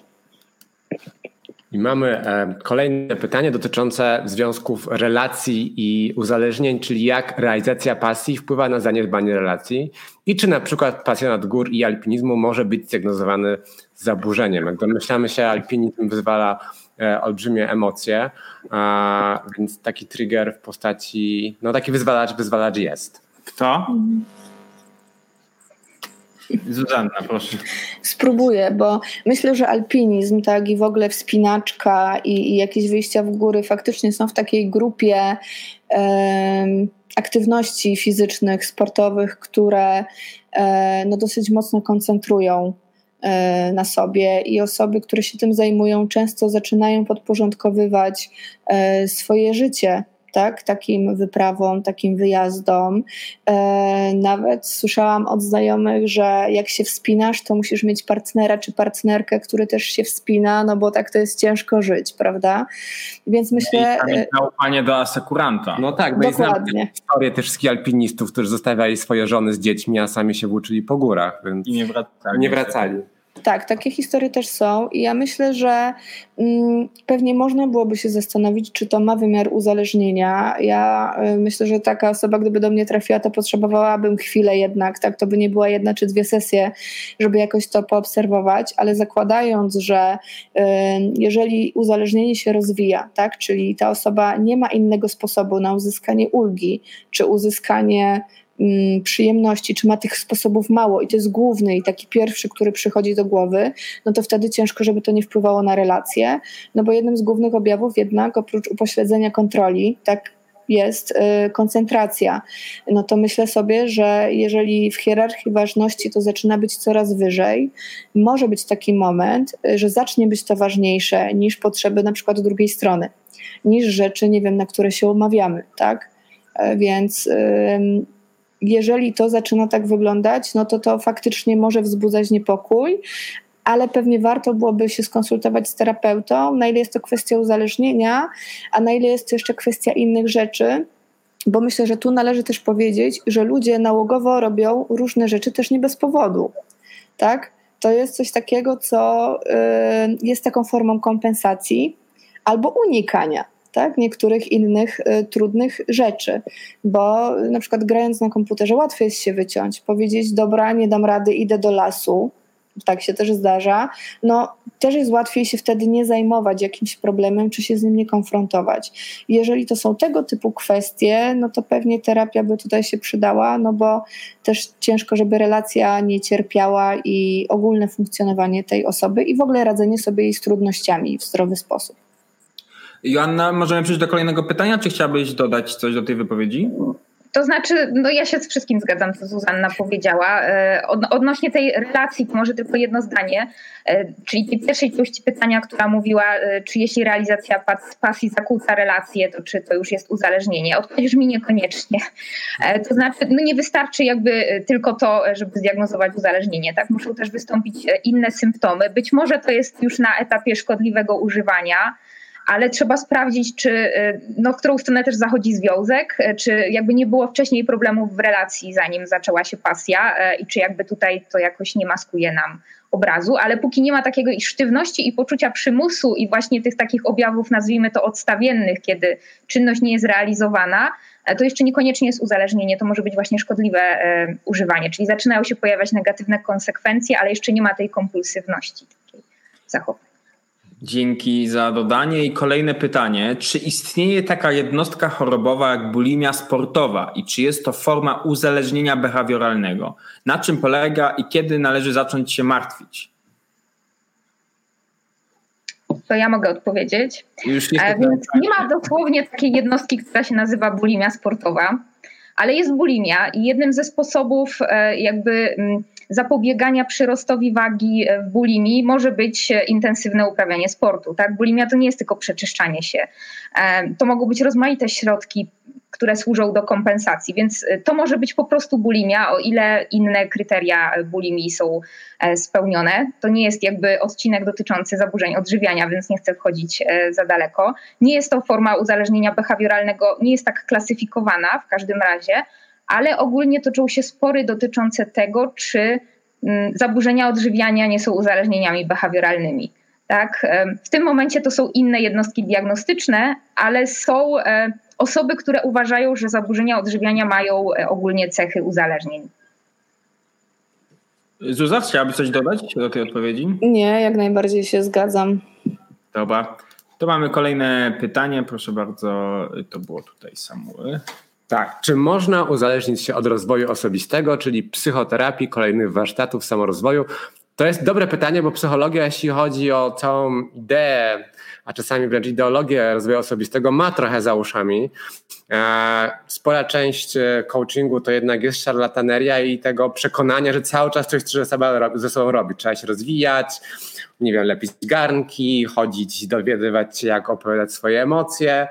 E, czy można się od tego uzależnić? No bo jest taka presja, że przecież nie można nic nie robić, trzeba coś ze sobą zrobić. I być wiecznie lepszym. I być wiecznie lepszym, tak? Że jest jakiś niesamowity horyzont, do którego mm, do trzeba dążyć. Czy można się od tego uzależnić? I pytanie też, czy można się od samej psychoterapii uzależnić?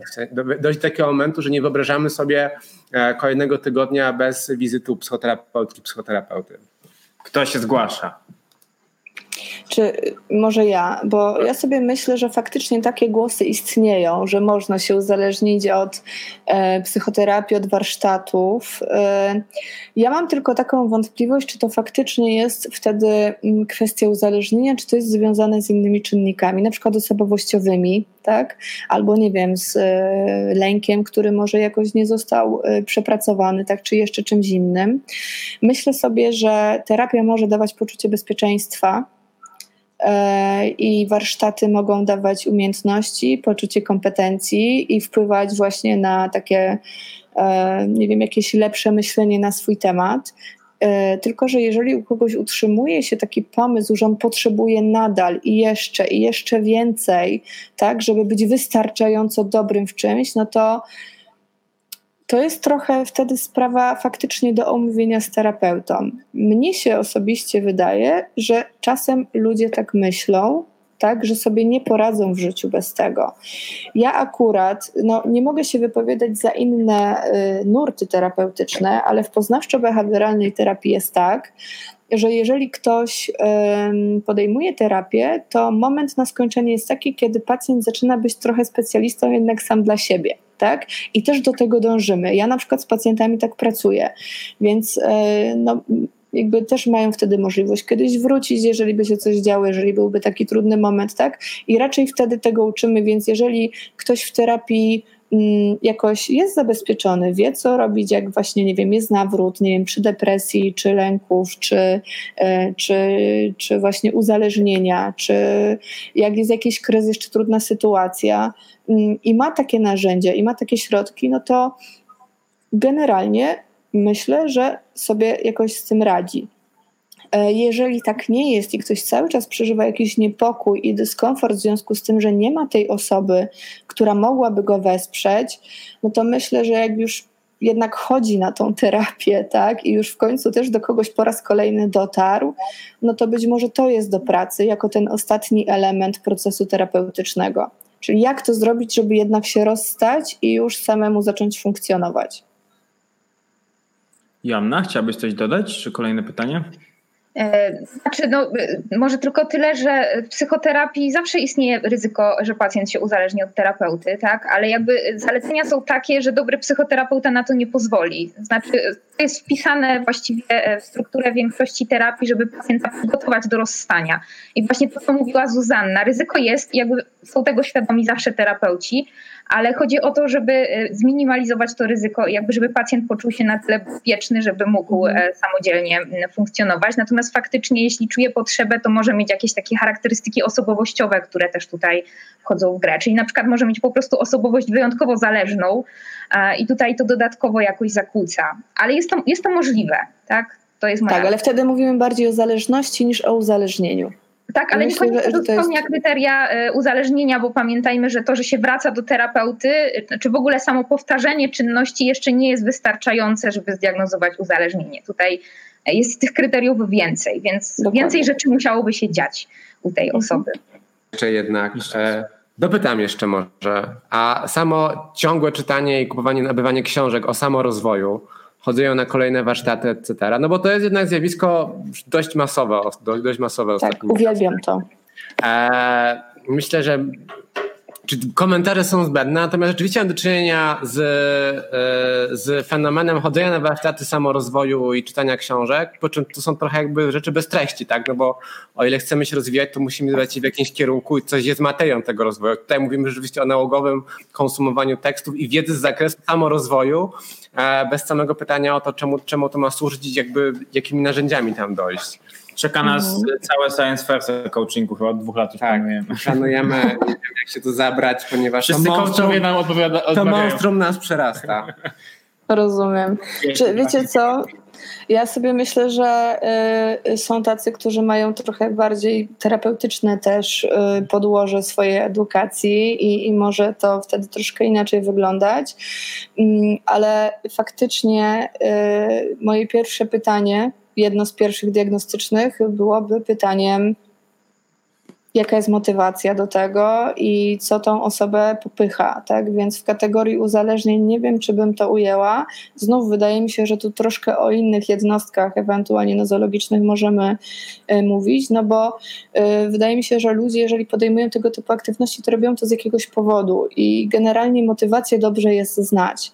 Jak taka osoba mówi, że nie wie, to wtedy jest troszkę większy problem, bo trzeba od innej strony do tego podejść, ale zazwyczaj da się do tego dotrzeć w czasie terapii, y, po co ktoś robi takie rzeczy i co mu to daje, i wtedy dopiero tak naprawdę wydaje mi się, że możemy uzupełnić tą całą konceptualizację y, problemu i, i zobaczyć, czy to ma znamiona uzależnienia. Więc no, tutaj jest dużo takich elementów, które. Mm, no, które jednak są do, do sprawdzenia. A do samego czytania książek mogę powiedzieć, że zdarza się, że ma to charakter nałogowy e, i na przykład osoby, które odstawiają chemię, na przykład jak chcą robić coś konstruktywnego, przerzucają się na przykład na czytanie książek, fantazji na przykład fantastycznie wchodzi, prawda? E, niekoniecznie muszą być to książki psychologiczne i samorozwój. Słucham? Byle nie rozwój osobisty. Tak, no ale są takie książki. I jeżeli ktoś, nie wiem, yy, bym powiedziała, wchodzi w deprywację potrzeb, czyli nie je, ma zaburzony sen, nie pilnuje tego, nie wiem, czyta po 6 godzin i zaniedbuje inne sprawy, no to ma to taki charakter nałogowy. Nie wiem, czy bym powiedziała, że uzależnienie, ale z jakiegoś powodu akurat teraz tak odreagowuje i znów tutaj jest do sprawdzenia motywacja. Przejdźmy od coachów i bitcoinów y, do sportów znowu, bo mamy pytanie, czy istnieją pasje, które bardziej sprzyjają obsesji niż inne, inne chociażby sporty ekstremalne? Joanna, Zuza, kto? Widzę, że Janna się nie wyrywasz. Joanna? To znaczy, Istnieją pasje, które bardziej sprzyjają obsesji niż inne. To jest trudno odpowiedzieć na to pytanie, dlatego że to trochę zależy od osoby i jakby co u niej szczególnie wywołuje też te zmiany w nastroju i zmiany w samopoczuciu. I dla jednej osoby to może być sport ekstremalny, dla drugiej wyjście do galerii i, i zakupienie różnych produktów. Może odpowiem tak, że istnieją pewne czynności, które są zaprojektowane e, tak, e, żeby służyć uzależnieniom. Tak? To jest ich funkcja rynkowa i przykładem są gry hazardowe, które są stworzone, można powiedzieć, opierając się na regułach warunkowania nawet, e, psychologicznej wiedzy. One na pewno stwarzają duże ryzyko, bo wzmacniają, wzmacniają nieregularnie, e, więc stosują takie zasady jakby znane e, od Skinnera. Gry komputerowe również mają wbudowane takie mechanizmy uzależniające. Tam się stosuje mnóstwo takich kruczków, które mają właśnie gracza wciągnąć i sprawić, że on z tej gry nie wyjdzie. Tak? Więc są nagrody, są odznaki, są poziomy, więc czuje się wzrost statusu. E, można kreować postać, stworzyć awatara, więc nadrobić pewne braki w samoocenie, nawet skompensować pewne wartości. Więc e, Moja odpowiedź jest taka. Z jednej strony to zależy od osoby, a z drugiej strony jakby współcześnie żyjemy w takich czasach, że stworzono wiele aktywności i rozrywek, e, które mają taki potencjał uzależniający i mają go mieć po to, żeby się sprzedawać i jakby żeby na nich zarabiać. I e, one mają budowane takie elementy, które mogą e, tutaj zwiększać ryzyko. Krótko mówiąc, późny kapitalizm pełen jest pułapek. Mamy kolejne pytanie, ja sobie pozwolę przeczytać. Ostatnio natknęłam się na książkę Love Addict. Czy warto, pani, czy warto Pani zdaniem traktować jako uzależnienie behawioralne uzależnienie od zakochiwania się, angielski crash, crash czyli od tego ciągłego tego stanu pobudzenia, zakochania, których tych zakochaniach domyślam się następuje e, wiele po sobie w krótkim okresie czasu. Czy można się tak, od tego, tego uzależnić? Tego wyidealizowanego zakochania, tak? Bo, bo, bo te, ci crash, ten twój crash to jest ten niedostępny, tak? Z jednej strony też. Więc to jest nawet pełen tytuł książki Love Addict, Sex, Romance and Other uh, Danger Drugs. Która z Was chciałaby odpowiedzieć na to pytanie? Przepraszam, że zasłaniam trochę Zuzannę teraz na naszym ekranie pytaniem. Nie ale... szkodzi. To kto?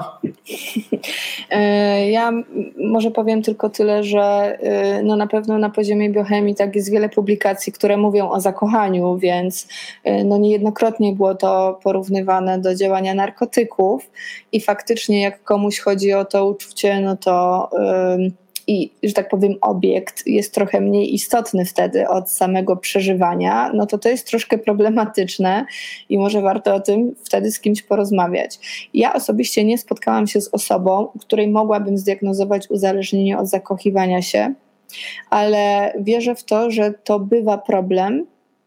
Yy, Natomiast y, raczej pewnie byłabym skłonna do tego, żeby sprawdzić inne czynniki, które u tej osoby się pojawiają i dzieją.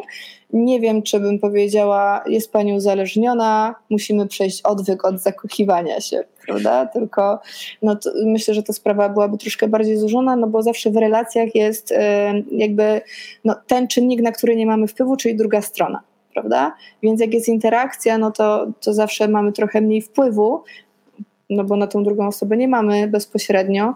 Mm, i, i myślę, że to jest taka kwestia, y, której trzeba by było się y, przyglądać też w jeszcze innych aspektach, nie, nie, nie tylko samego, nie wiem, chęci czy pragnienia tak, realizowania czegoś, no bo tutaj jednak mówimy o jakimś rodzaju aktywności i pytanie, czy chodzi tylko o samouczucie, czy to będzie spełniało te warunki związane, nie wiem, z koncentracją, z upośledzeniem kontroli. Jeśli tak, to jak to upośledzenie kontroli miałoby wtedy wyglądać, tak?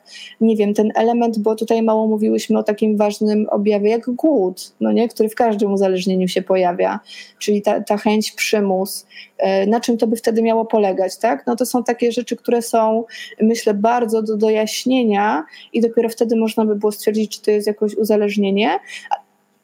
Na pewno, jeżeli ktoś widzi u siebie taką trudność, że, że to są jakieś relacje, które są, nie wiem, mocne, intensywne, że, nie wiem, nazwałabym to, że spalają e, nawet, tak? Czy, czy nawet niektóre może są toksyczne, albo że ktoś się zatraca w tych relacjach, no to to na pewno jest jakiś temat do przegadania, e, żeby komuś bardziej komfortowo może się funkcjonowało.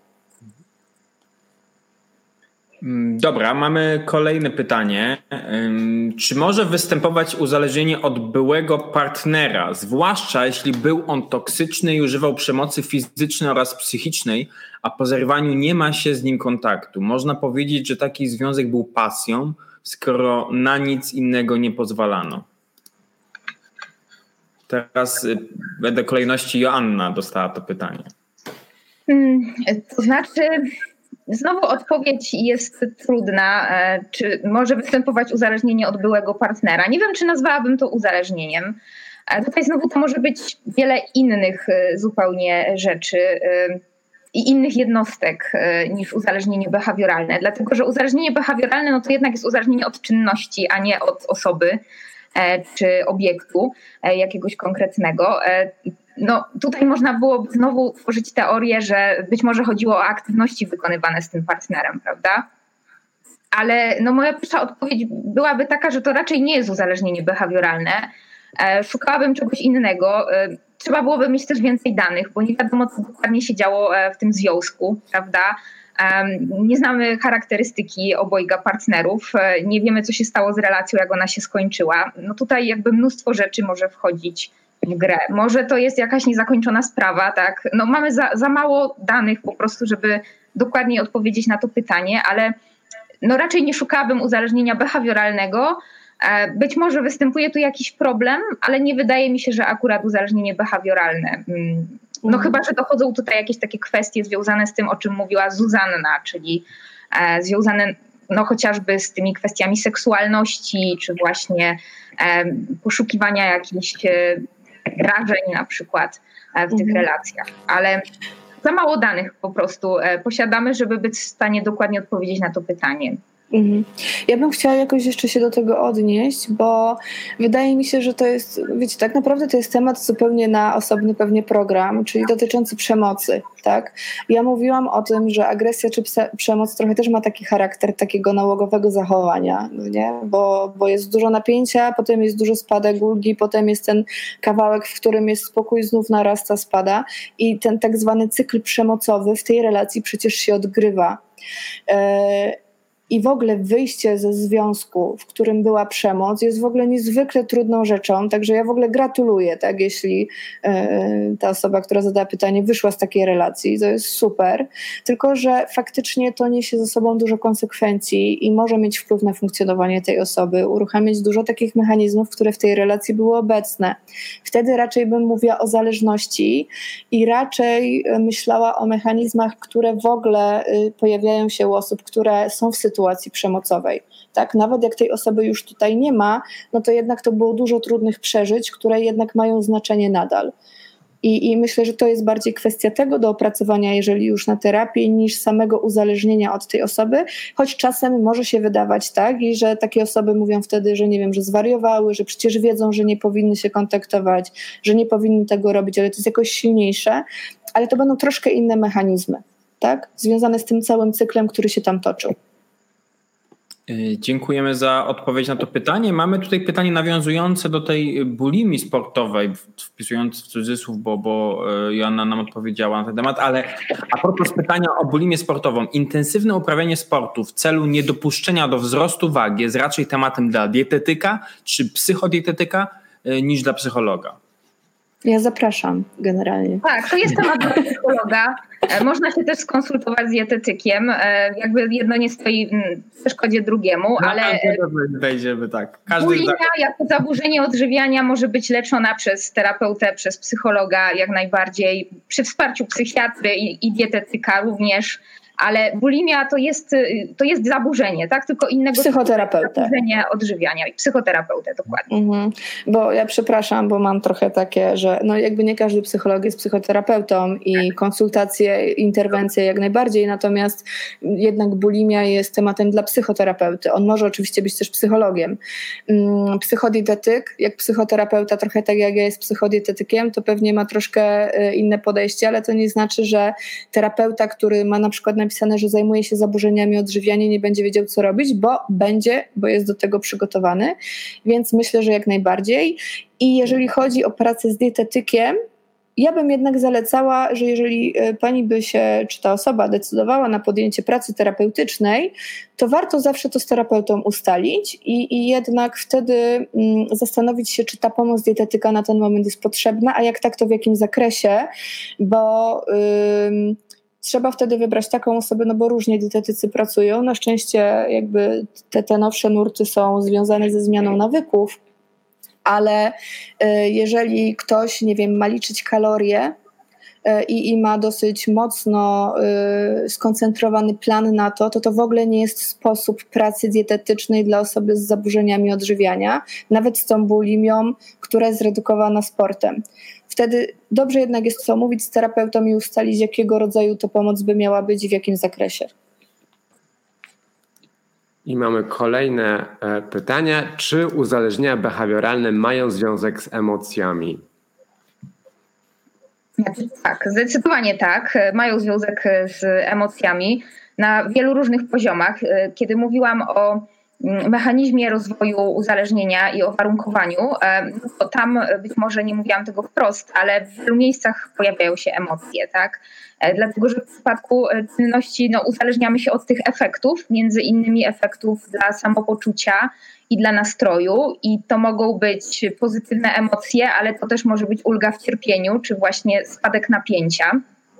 I to ma silny oddźwięk emocjonalny, nie mówiąc o tym, że e, kiedy się przerwie czynność czy zaprzestanie czynności, tak, w uzależnieniach behawioralnych, to te objawy odstawienne, które się pojawiają, one też mają taki charakter mocno emocjonalny. Tutaj Zuzanna mówiła o tej złości, o rozdrażnieniu, które się może pojawić, ale mogą wystąpić też takie objawy lękowe, e, takie odczucia depresyjne, więc e, no, tutaj jakby wszędzie są emocje i one w tym procesie cały czas towarzyszą i są ważnym elementem. I właśnie to radzenie sobie z emocjami jest też takim ważnym elementem pracy potem w dochodzeniu do zdrowia, dlatego że w uzależnieniach behawioralnych wykorzystuje się czynność też do tego, żeby regulować e, te emocje e, w taki, a nie inny sposób i trzeba się nauczyć też trochę innych e, metod regulowania tych emocji. Mamy pytanie, które zamienię trochę w problem. To dlaczego nie tutaj pytający z bardzo ciekawym nikiem, wywiązała się dyskusja w komentarzach, e, dlaczego nie karzemy za zarabianie na uzależnienia i ich wzmacnianiu.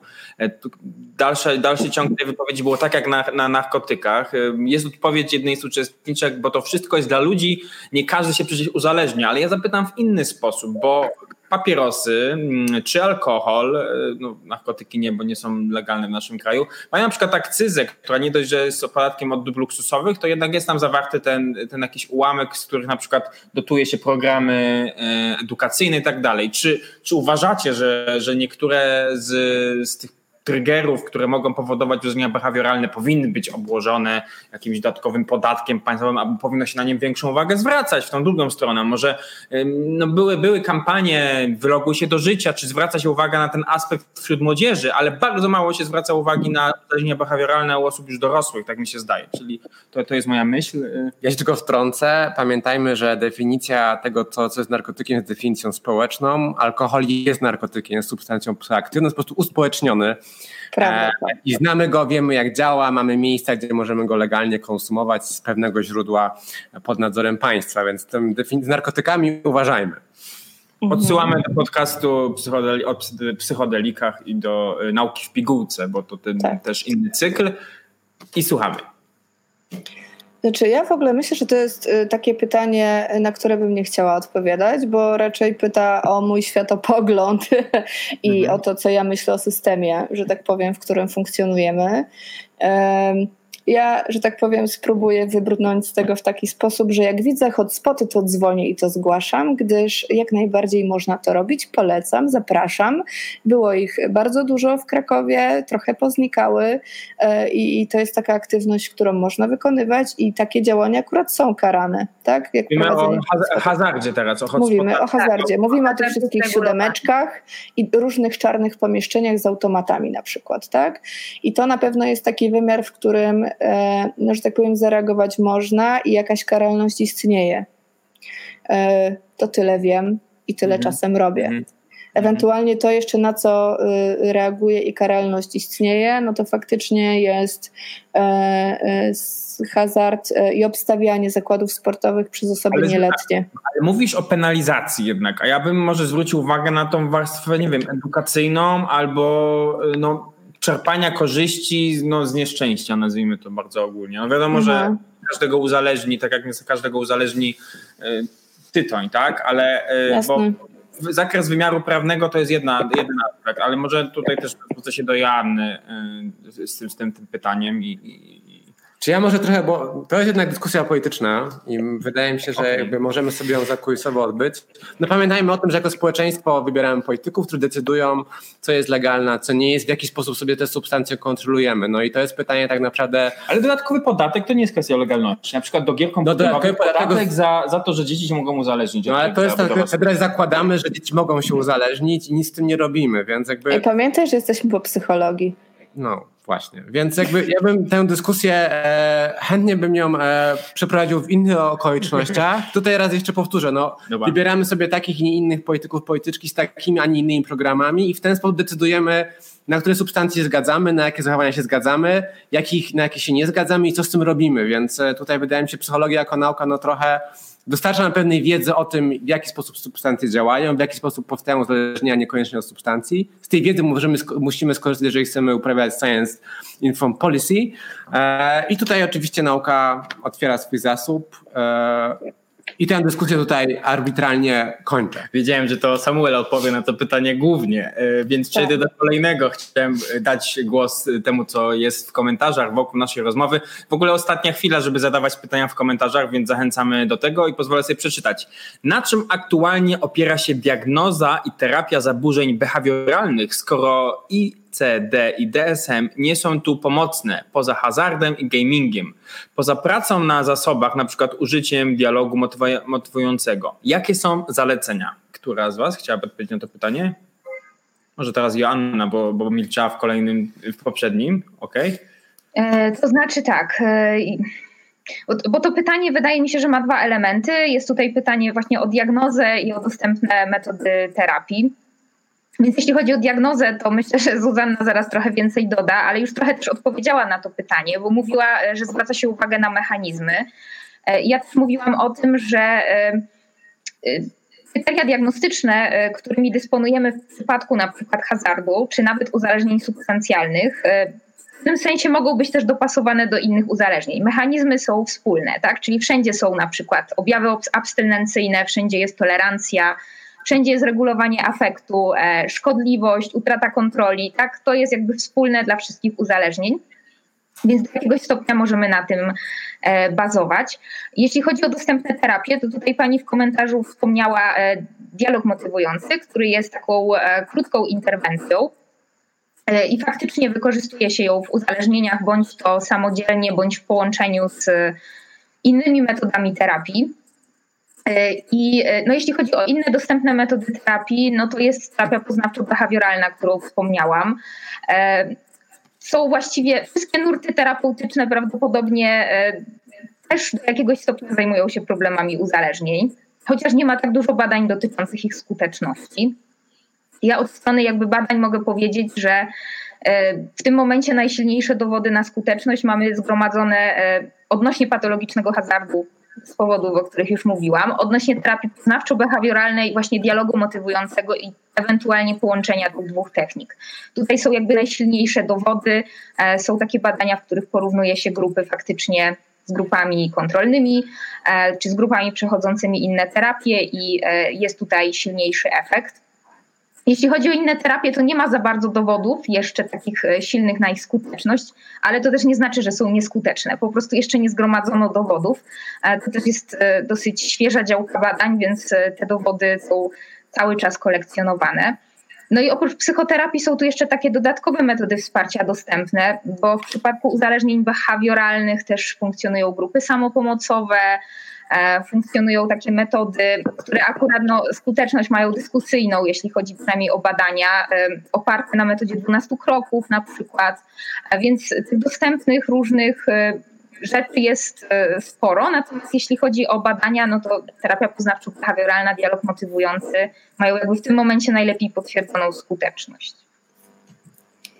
Ja bym też y, tylko dodała, że no, dialog motywujący jest taką metodą jednak terapeutyczną. Y, i myślę, że to zależy kto jak pracuje, bo każdy nurt jakoś do uzależnień się odnosi znam wielu terapeutów pracujących z uzależnieniami w różnych nurtach, choć mówi się, że jakby ten początek jednak dobrze, żeby był oparty na zmianie myślenia i zachowania, mm, a to jak ktoś to poprowadzi, to chodzi o to po prostu, żeby wiedział, co robi, tak? I żeby wiedział, jaka jest charakterystyka tych uzależnień.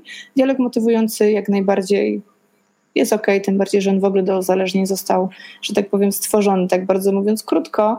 A y, oczywiście co do terapii, to jest jedna kwestia, a te grupy samopomocowe, o których wspomniała Joanna, y, w Polsce istnieją, w Krakowie na przykład jest sporo, zachęcam.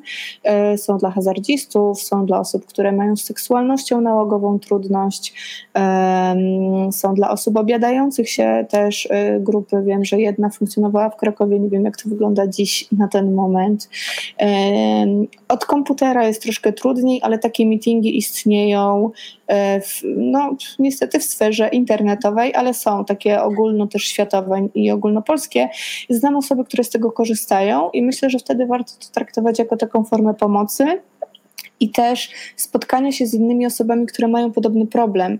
Czasem, jak ktoś ma taką wątpliwość, czy problem go dotyczy, posłuchanie wypowiedzi innych osób, które już wiedzą, że mają problem w tej sferze, będzie też pomagał jakoś samemu zobaczyć, co tutaj można robić, co jest do zmiany i czy faktycznie te objawy jakoś mnie dotyczą i czy warto jakoś tym się bardziej zająć. Także y, akurat wartość w grupach samopomocowych myślę, że jak najbardziej jest. Osobiście oczywiście uważam, że najlepiej łączyć to z terapią i jedno drugiego absolutnie nie wyklucza. Y, szanowni Państwo, ostatnie pytanie pozwolę sobie jeszcze zadać, bo ono też jest dobrą e, puentą. Spadliśmy poniżej 199 osób. Niech ktoś dołączy, żeby było, że nas było zawsze ponad 100. E, jak, mo jak można w takim razie chronić się przed uzależnieniami? Co zrobić, jeśli wiemy, że mamy predyspozycję do uzależnień? O jakie umiejętności, cechy osobowości dbać? Joanna wywołuje do odpowiedzi. E, więc e, o jakie cechy umiejętności dbać, żeby się chronić e, od uzależnień? Więc tutaj znowu nie ma takiej prostej odpowiedzi na to pytanie, ale myślę, że takie trochę też myślenie w kategoriach prewencji i profilaktyki, czyli co można zrobić wcześniej, żeby zapobiec rozwojowi uzależnień. I tutaj e, no, takie kształtowanie umiejętności właśnie regulowania emocji, e, radzenia sobie z emocjami e, na pewno jest bardzo ważne. Tak samo takich umiejętności związanych z takim systematycznym rozwiązywaniem problemów. Dlatego, że brak umiejętności rozwiązywania problemów też jest ważnym predyktorem, zwłaszcza tej młodszej populacji, tak na przykład adolescentów, ale nie tylko. No i ogólnie taka praca na zasobach, czyli też dbanie właśnie o relacje, o wsparcie, no bo samotność znowu jest kolejnym czynnikiem e, ryzyka powstawania uzależnień. E, I e, no też takie jakby stawianie sobie mm, takich zdrowych standardów. Tutaj tak może trochę bardziej uciekam w stronę pracoholizmu w tym momencie, ale nie tylko. Czyli stawianie sobie zdrowych standardów i jakby też praca nad taką samooceną, która nie jest koniecznie zależna od e, naszych sukcesów zewnętrznych, czyli taka e, stabilna samoocena. Na przykład w pracocholizmie to jest często pułapka, że osoba z niską samooceną dostrzega, że to jej chwilowo e, podnosi to zdanie e, o sobie, na przykład to, że szef ją pochwali albo sukces w pracy i jakby wchodzi w tą pułapkę. Więc jeśli ma taką stabilną samoocenę, która jest jakby niezależna, e, nie, nie zachwieje się, kiedy na przykład ta osoba raz poniesie porażkę albo nie sprosta temu, co szef akurat na nią narzuci, no to wtedy jakby jest łatwiej nie uciekać, dlatego że wiele uzależnień behawioralnych ma trochę taki charakter ucieczkowy e, i one są niejednokrotnie, nie zawsze, ale niejednokrotnie właśnie wyrazem tego, że ktoś ma problem ze stawieniem czoła rzeczywistości, więc umyka, na przykład w rzeczywistość wirtualną, e, żeby o tym nie myśleć, zapomnieć i, i natychmiast spuścić e, to napięcie. No i też takie umiejętności tolerowania dyskomfortu, o tym też e, Zuzanna wcześniej wspominała, czyli e, nie uciekanie koniecznie takie szybkie przed złymi emocjami. E, mówi się, że to jest troszeczkę taki znak dzisiejszych czasów, że my jesteśmy kulturą hedonistyczną, czyli tak byśmy chcieli tylko przyjemnie, a jak się robi nieprzyjemnie, to żeby natychmiast przestało być nieprzyjemnie. E, no, e, niestety to w życiu się zwykle tak nie da mm, i troszeczkę, jeśli się gorzej chwilę poczujemy, to nic złego się nie dzieje. Nie musimy natychmiast przed tym uciekać. E, możemy jakby trochę wolniej zadziałać i to pewnie będzie zdrowsze i, i mniej też uzależniające. To też można odnieść do tego, w czym jesteśmy teraz, z czego wychodzimy, tak? Mhm. Sławoj Żyżek mówi o takim nakazie rozkoszy, tak? że jakby współcześnie mamy nie być właśnie smutni, mamy się cieszyć, mamy się cieszyć każdą chwilą. I ten... Że ty znów mówisz o coachingu. Y, Joanna, chyba dość szeroko odpowiedziałaś, a, a ten czas nam naprawdę umyka, y, więc pozwolę sobie taką puentą, jako że to też się pojawiło w komentarzach, poprosić zarówno ciebie, Joanna, jak ciebie, Zuzo, o jakieś rekomendacje książkowe, bo prosili także nasi słuchacze. E, mogą też być również w języku angielskim. Co byście poleciły? Może popularno-naukowego i niepopularno-naukowego? Zuzanna, co tam w twojej biblioteczce by było wartego uwagi dla nas? No, w mojej bibliotece przede wszystkim są dwie pozycje pod tytułem uzależnienia behawioralne. Tak, i, i tak naprawdę to jest, yy, myślę, jedna... Yy, myślę, że mamy te same pozycje, więc mogę mamy powiedzieć. Powiedz, no. Yy, podręcznik, który wyszedł bodajże w zeszłym roku czy dwa lata temu, to jest dosyć świeży podręcznik pani profesor Grzegorzewskiej i pani profesor Cierpiałkowskiej, zatytułowany Uzależnienia behawioralne. To jest takie kompendium naprawdę dosyć aktualne, dlatego że książka no, dopiero co wyszła i faktycznie opiera mhm. się na E, aktualnych badaniach. Ale to jest pozycja naukowa, e, nie jest to taka pozycja popularno-naukowa, e, mhm. więc może nie dla każdego odbiorcy.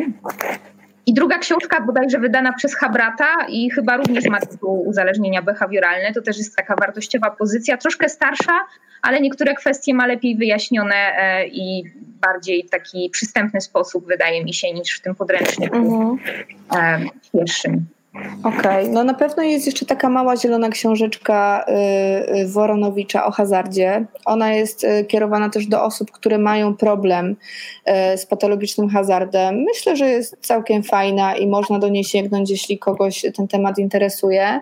Teraz jest jeszcze taka książka, kurczę, tylko nie przygotowałam się, która jest trochę takim zeszytem ćwiczeń, może dla osoby, która ma taką trudność. Ucieczka od porno. To jest taka biała książka z takim czerwonym napisem E, tutaj znam osoby, które zaczynają z niej korzystać i wydaje mi się to. Na przykład e, po naszej rozmowie wkleić do, linku do transmisji, wtedy myślę, że każdy będzie mógł znaleźć. Jasne, I tak, jeżeli jasne. ktoś z naszych słuchaczy chciałby polecić jakąś książkę, to zachęcamy, Też. żeby później mhm. po transmisji w komentarzu wkleić.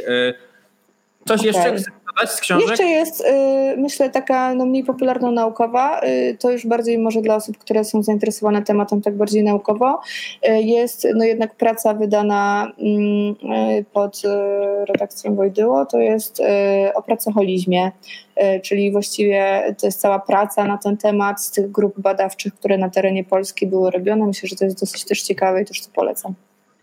Okej, okay, to bardzo Wam e, dziękujemy za rozmowę, dziękujemy Wam za wszystkie e, pytania. Już teraz zapraszamy na ostatnie w tym roku Science First, które będzie wyjątkowe. E, data jeszcze nie obwieszczona, będzie na pewno koniec e, czerwca. Nie będziemy mieli transmisji na żywo z Teatru Ludowego. E, czyli, Ulubione miejsce Samuela. Tak, jedno z moich ulubionych miejsc. Będzie transmisja z serca modernistycznej, spełnionej utopii, czyli z krakowskiej Nowej Huty. Będziemy rozmawiać o niezwykłym projekcie, który w Teatrze Ludowym jest realizowany. Tytuł Science First to Przewodnicy Zmysłów. Śledźcie naszą stronę Lux przez X jak światło, psychologia UED.pl. Tam pojawią się informacje o, mm, o tym spotkaniu. Jest też szansa, że jeszcze przed wakacjami odbędzie się e, ostatnie spotkanie z cyklu Nauka w pigułce, gdzie rozmawiamy o substancjach psychoaktywnych. Ten wątek dzisiaj się e, mm, też pojawił. Kolejne spotkanie e, planujemy poświęcić benzodiazepinom. Natomiast ze względu na tą pandemiczną sytuację trochę się nam harmonogram pokrzyżował. Wszystkie informacje będzie na stronie luxpsychologia.uj.edu.pl. Nadlecieliśmy już nad Nową Hutę w tle, więc tam w czerwcu się spotkamy, a dzisiaj e, podziękujmy brawami Zuzanna Kasprzak i Joanna Kłosowska naszymi gościniami były. Brawa po drugiej stronie ekranu, jeszcze ponad 100 osób z nami. Dziękujemy Wam za obecność. Doktor Samuel Nowak, e, Tomasz e, Pytko, zachęcamy, żebyście podali dalej te treści. Jeżeli uważacie, że to, co dzisiaj mogliście wysłuchać, było interesujące, podajcie dalej to wideo, a za kilka dni pojawi się również e, podcast. E, tak jak Samuel wspominał, zachęcamy do odwiedzenia strony luxpsychologia.uj.edu.pl. Miłego wieczoru, do usłyszenia, do zobaczenia. Dzięki.